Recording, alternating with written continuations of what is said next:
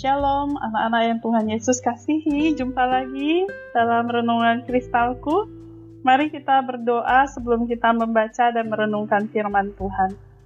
Bapa di dalam surga, terima kasih Tuhan. Pagi hari ini kami boleh bangun dengan kekuatan dan kesehatan yang Tuhan anugerahkan buat kami.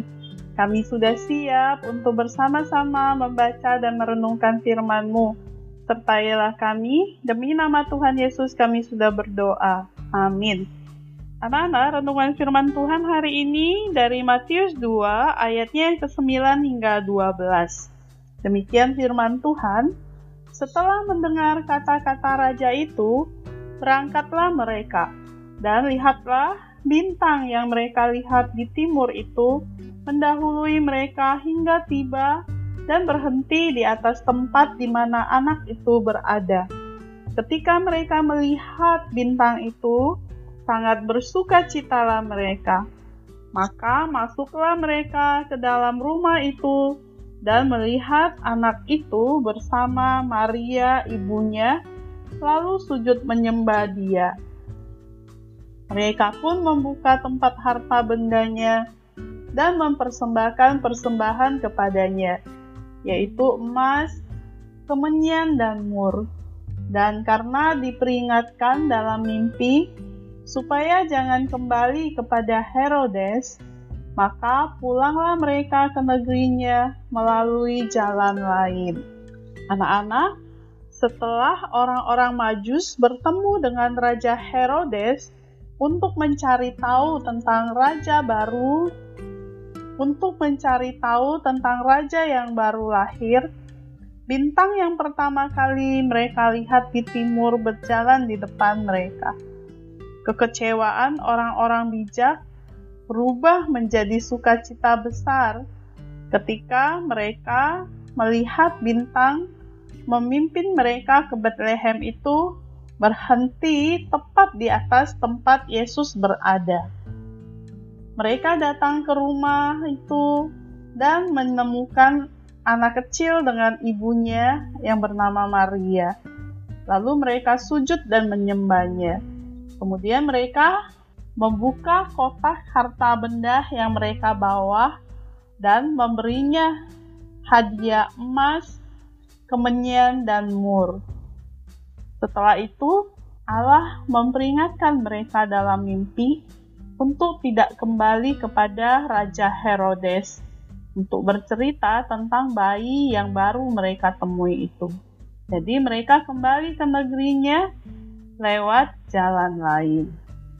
Anak-anak, mengapa orang-orang Majus memberikan Yesus hadiah emas, kemenyan, dan mur jika kamu sedang mencari hadiah yang cocok untuk balita balita itu artinya adik-adik yang umurnya 5 tahun. Kamu mungkin akan pergi ke toko mainan atau mungkin ke bagian pakaian anak di toko pakaian. Karena kamu mungkin tidak bisa bertanya kepada si bayi apa yang ia inginkan. Jadi kamu akan memberi apa yang menurut kamu cocok untuknya. Mari kita lihat mengapa orang-orang bijak tersebut memberi yang terbaik sebagai hadiah kepada Tuhan Yesus. Yang pertama, emas. Emas adalah hadiah yang cocok untuk seorang raja. Emas mengingatkan kita bahwa Yesus adalah raja di atas segala raja. Yang kedua, Hadiah yang kedua adalah kemenyan. Kemenyan biasanya digunakan di kuil. Bau harum dari kemenyan mengingatkan kita bahwa doa dan ibadah kita seperti bau kemenyan yang menyenangkan Tuhan. Hadiah yang ketiga adalah mur. Mur adalah rempah-rempah yang digunakan ketika seseorang meninggal. Hal ini mungkin kelihatan seperti hadiah yang paling aneh dari semuanya. Tetapi Moore mengingatkan kita bahwa Yesus datang ke dunia untuk mati bagi dosa-dosa kita. Yohanes 3 ayat 16 berkata, Karena begitu besar kasih Allah akan dunia ini, sehingga ia telah mengaruniakan anaknya yang tunggal, supaya setiap orang yang percaya kepadanya beroleh hidup yang kekal. Nah, anak-anak, jika kamu ingin memberikan hadiah yang terbaik kepada Yesus, berikanlah apa yang terbaik dari dirimu.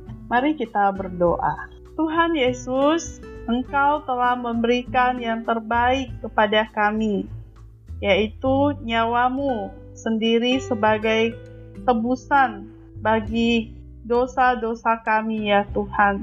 Tolong kami di masa-masa menjelang Natal ini, kami juga boleh menyiapkan hadiah terbaik buat Tuhan Yesus, yaitu hidup kami yang diubahkan oleh Tuhan.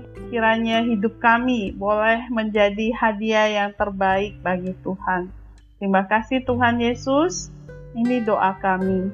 Amin. Ayat hafalan buat kita hari ini adalah dari Wahyu 4 ayatnya yang ke-11. Ya Tuhan dan Allah kami, Engkau layak menerima puji-pujian dan hormat dan kuasa. Sebab Engkau telah menciptakan segala sesuatu dan oleh karena kehendakmu semuanya itu ada dan diciptakan Kiranya Tuhan Yesus memberkati kita, terus boleh memberikan hadiah yang terbaik baginya. Lewat belajar, lewat semua yang kita kerjakan dan lakukan. Bersama Yesus, aku bisa.